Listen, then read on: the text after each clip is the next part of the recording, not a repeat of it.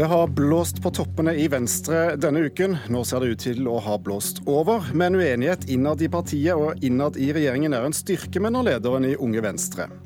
Det blåser i Sverige også. Blått budsjettforslag kan stikke kjepper i hjulene for rød statsminister. Venstreleder Trine Skei Grande har skværet opp med Abid Raja etter at det gikk en kule varmt i budsjettforhandlingene.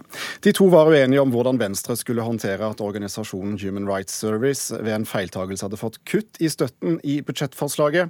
Begge to lover nå å bli flinkere til å snakke sammen.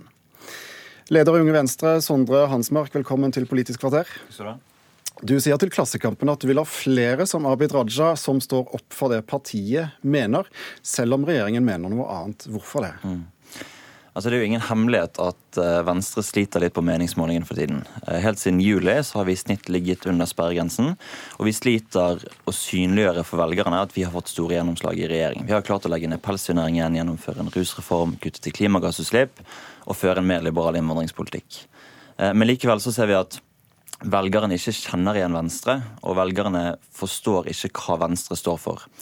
Og Det jeg skulle ønske at politikerne i Venstre var flinkere til å gjøre, det var å fortelle hvordan hadde Norge sett ut dersom Venstre hadde styrt landet alene. Da hadde vi kuttet klimagassutslipp raskere, vi hadde tatt imot flere kvoteflyktninger, vi hadde ført en bedre skolepolitikk. Og det syns jeg vi skylder velgerne våre å kommunisere. For det har f.eks. Fremskrittspartiet vært veldig flinke til. De har jo sagt gjentatte ganger at hadde det vært opp til oss alene, så hadde det ikke vært bompenger i Norge. Eh, og det må vi også begynne å gjøre dersom velgerne skal kjenne igjen Venstre. Men blir ikke dette dobbeltkommunikasjon? Nei, det er ikke dobbeltkommunikasjon. Det er å være redelig på at man sitter i et regjeringsprosjekt, at man får store gjennomslag der man er nå. Men dersom Venstre hadde vært større, så hadde vi gjort det på en litt annen måte. Og det syns jeg er si, demokratisk fornuftig, egentlig. At man forklarer velgerne at dette er vår primærpolitikk, sånn skulle vi ønske at verden var. Men så sitter vi i en regjering med to andre partier, da må vi kompromisse på noen ting. Men vi skulle ønske at vi gikk enda lenger. Bjørn Kristian Svendsrud, formann i Fremskrittspartiets Ungdom. Eh, du får gode skussmål her fra, fra Unge Venstre. Hva, hvordan har eh, vil du si, Frp har lykkes med, med å kjøre to hester her samtidig? Det er én hest som er kjørt. Eh, først og fremst har vi lykkes å sitte i regjering og fått gjennomslag for mye god Frp-politikk. Det er jo det som til syvende og sist er viktig. Men det Sondre har helt rett i, det er jo at det er helt OK og det er bra at man tydeliggjør primærpolitikken til et parti, selv om man sitter i regjering. Og det mener jeg også er Eh, viktig for å klargjøre eh, ofte ulike situasjoner for velgerne også. Eh, det at man er tydelig på at man har en primærpolitikk, men så må man inngå kompromisser underveis. Fordi man til syvende og sist er nødt til å være opptatt av helheten i politikken. Et eksempel på det er jo da vi i budsjettforslaget fra regjeringens side Eh, der sto det vel 3000 kvoteflyktninger, det ble også vedtatt. Eh, og da sa jo vi tydelig at eh, dette er ikke vår primærpolitikk, men fordi helheten i budsjettet er god, så er det et kompromiss. Og Det mener jeg er et godt eksempel hvor man tydeliggjør at det er ikke sånn at Fremskrittspartiet sin politikk er endra. Vi står fortsatt på en streng og rettferdig innvandringspolitikk og er det tydeligste partiet på det. Samtidig som at vi samarbeider med partier som ikke alltid er enig i det. Eh, men, men, eh, men, da er det viktig å tydeliggjøre primærpolitikken samtidig som at man viser hvilken kompromiss man, man, inngår. Og være ærlig overfor velgerne, ikke minst. På nyåret så skal eh, Kristelig Folkeparti starte forhandlinger med de tre regjeringspartiene om å gå inn i regjeringen. Leder i KrFU, Martine Tønnesen. Myten om at eh, KrF er partiet for høy moral, ble vel eh, ettertrykkelig knust i høst. Eh, blir det mye diskusjoner innad i KrF og med de andre regjeringspartnerne hvis dere går inn i regjering? Ja, vi er fire partier med fire ulike partiprogram som skal bli enige om en regjeringsplattform. Så jeg tror vi kommer til å ha både diskusjoner før vi går inn i regjering, men også etter at vi har kommet inn i regjering. Og jeg forventer også at KrF er tydelige på vår primærstandpunkter, selv om vi skal være lojale til den regjeringsplattformen vi kommer fram til. Eh, det tror jeg vil være helt avgjørende også. Vi, både vi og Venstre eh, har ikke så mye å gå på. Er avhengig, vi er avhengig av at vi får lov til å si hva som er vår primærstandpunkt, og, og være åpne og ærlige når vi har tapt. Eh, men det er, det er, en stor forskjell på det å være ærlig om at man har tapt, og ta omkamper. Og det er en skala der. Så jeg tror dette skal gå veldig fint, at vi skal komme i havn både med regjeringsforhandlingene, og at, og at regjeringssamarbeidet blir bra. Ja, for Det er ingen hemmelighet at KrF og Venstre har en eh, utfordring eh, på, eh, på oppslutning og vaker rundt sperregrensen. Kan ikke da eh, interne krangler for så vidt i regjering, men også innad i partiet, som vi har sett, eh, være en farlig lek? Jeg tror det er bra at man krangler litt internt i regjering. Jeg tror man har altså Velgerne har godt av å se at det er fire forskjellige partier som forhåpentligvis kommer til å sitte i regjering, og at vi ikke er ett parti som er enige om, om alt mulig. Uh, og jeg synes at, som Martine sier, jeg synes vi skal være ærlige på saker vi også har tapt. Uh, Venstre har jo f.eks. ikke klart å være tydelig nok på at vi har tapt ganske mye i oljepolitikken i regjering. Istedenfor så driver vi og forsvarer alt som står i hele plattformen. Jeg skulle ønske at vi kunne si at vi må gjøre noe med oljesubsidiene, vi må slutte å lyse ut så mange oljefelt og på en måte synliggjøre overfor velgerne at det er vår primærpolitikk. Hvis vi forholder oss til Jeløya-erklæringen. Ja, det, det, den formuleringen jeg liker veldig dårlig, for vi må si til velgerne at hvis dere stemmer på oss neste gang, hvis vi blir litt større, så er det, så er det dette vi ønsker å få gjennomslag for. Mens i dag så forholder man seg kun til et dokument som ble skrevet for 89 eh, måneder siden. Høyre i dette bildet, Sandra Bruflot, Bruflot leder av Unge Høyre fremstår jo som en eh, ja, rolig sjel. Før så hadde vi sangen eh, 'Det er problemer innad i Høyre', men det høres ikke sånn ut lenger nå. Hvorfor er det sånn? Nei, jeg tror, altså, jeg vil jo si at Høyre ofte diskuterer primærpolitikk, vi også. Men det er kanskje mer i forbindelse med politikkutvikling og landsmøter. Ikke så ofte at Stortinget roper veldig ut om at de er uenige med regjeringen. Men det tror jeg skyldes litt flere ting. For det første så har vi statsministeren. Har man det, så er det ikke så ofte sånn at man lider på meningsmålingene samtidig. fordi da får man på en måte Da får man creden når det går bra, selv om man selvfølgelig også får skytsen når det går dårlig. Eh, og så tror jeg også at altså Høyre er litt i midten. Sant? Når det forhandles mellom Frp og Venstre og KrF, da, så er vi litt i midten. Og jeg vil tippe at også av og til så er det sånn at de kompromissene man finner, de er ikke nødvendigvis så langt unna Høyre sin politikk. Og det er en fordel Høyre har ved å være det største partiet i midten. Um, så jeg skjønner at kanskje Frp og Venstre og KrF har et større behov for å vise hva primærpolitikken sin er. Men tjener Men, Høyre ja, på at disse andre krangler? Jeg tror altså Man skal være solidarisk nok til å si at vi kan vike litt hvis det gjør at andre eh, tjener på det. Og så er Det også sånn at jeg synes jo dette er en, det er viktig for all del å diskutere hvordan man kan få bedre oppslutning for Venstre, KrF, og Frp og Høyre. Men jeg vil jo si at denne diskusjonen handler jo om noe litt viktigere også, og det er hvordan demokratiet i Norge skal styres fra dag til dag i regjering og storting. Og da tenker jeg at det er bra og fint og helt greit at man viser fram primærpolitikken sin på Stortinget, og det er også helt greit å vise fram at man er fire forskjellige partier. Og så har kanskje ikke Høyre helt det samme behovet, men det tror jeg også gjør at dynamikken blir litt enklere enn hvis alle fire partier hadde hatt et like stort behov. I Dagsnytt-sendingen i dag så har vi hørt at, uh, at flere tillitsvalgte i Fremskrittspartiet kaller KrF for, KrF for Judaspartiet, kranglefant og, og, og, hyklere.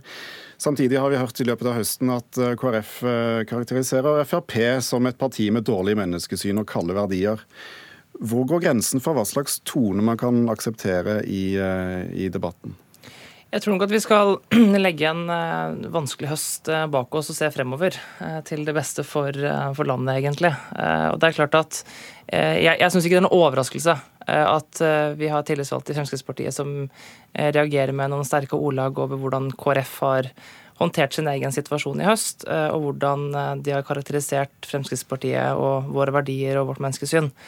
Ehm, det har flere reagert på, eh, og at det kommer fram i en sånn undersøkelse, det syns jeg ikke er rart i det hele tatt. Men det som jeg er opptatt av, er jo at eh, nå har KrF tatt sitt valg. Vi sitter i sonderinger.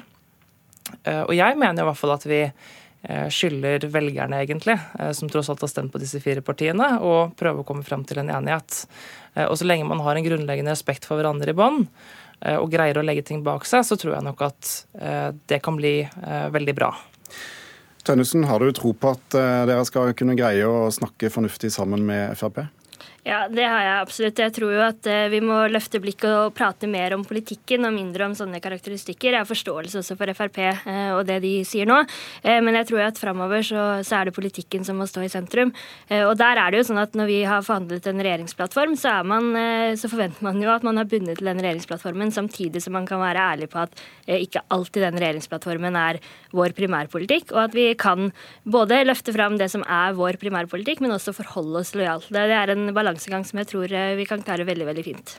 Som den eh, voksne ansvarlige her, altså, tror du, eh, er det et, nesten et under egentlig at det har gått så bra, dette samarbeidet dere fire imellom? Nei, men jeg, jeg, tenker sånn, jeg skjønner veldig godt at det er mange som ønsker å fremstille det som at det kun er gnisninger, at man krangler veldig mye. Men med det utgangspunktet man hadde, så vil jeg si at det har gått, det har gått veldig bra. Eh, sånn at eh, jeg tror det kommer til å gå fint. Men jeg, altså, vi er fire forskjellige partier. Det er ikke rart at det blir litt gnisninger av og til. Men jeg tror det både Bjørn Kristian og Martino, som alle er enige om, at man har en respekt for hverandre i bunn, så kommer det til å gå veldig bra.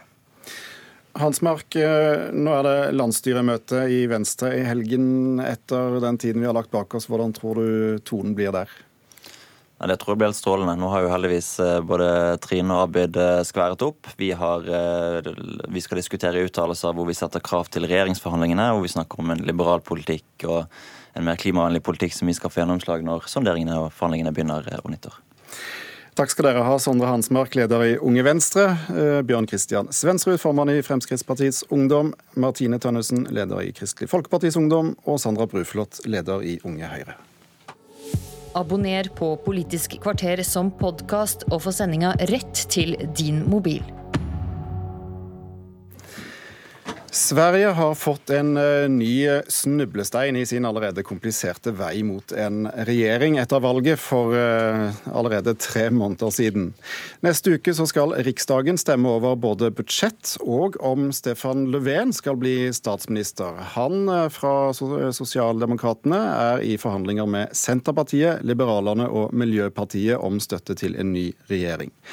Samtidig har Sverigedemokraterna nå gjort det klart at de ønsker å støtte budsjettforslaget fra Moderatene og Kristeligdemokratene, altså et blått budsjett. Og hva er dermed situasjonen når Magnus Takvam var politiske kommentator? Det som eh, ble klart i går, er eh, altså at man eh, står i en situasjon der det kan hende at et, som du sier, blått budsjett faktisk blir vedtatt. Eh, fordi Sverigedemokraterna da har sagt at de vil stemme på Når deres eget forslag eh, faller i Riksdagen, så vil de stemme på det felles forslaget som Moderatene og Kristendemokratene har lagt fram. Og det det betyr jo at den sentrum-venstre-alliansen, som selvfølgelig håper på å eh, både få regjeringsmakten og dermed også eh, få et budsjett vedtatt, er under et veldig press. Fordi de jo fremdeles sitter i veldig vanskelige forhandlinger.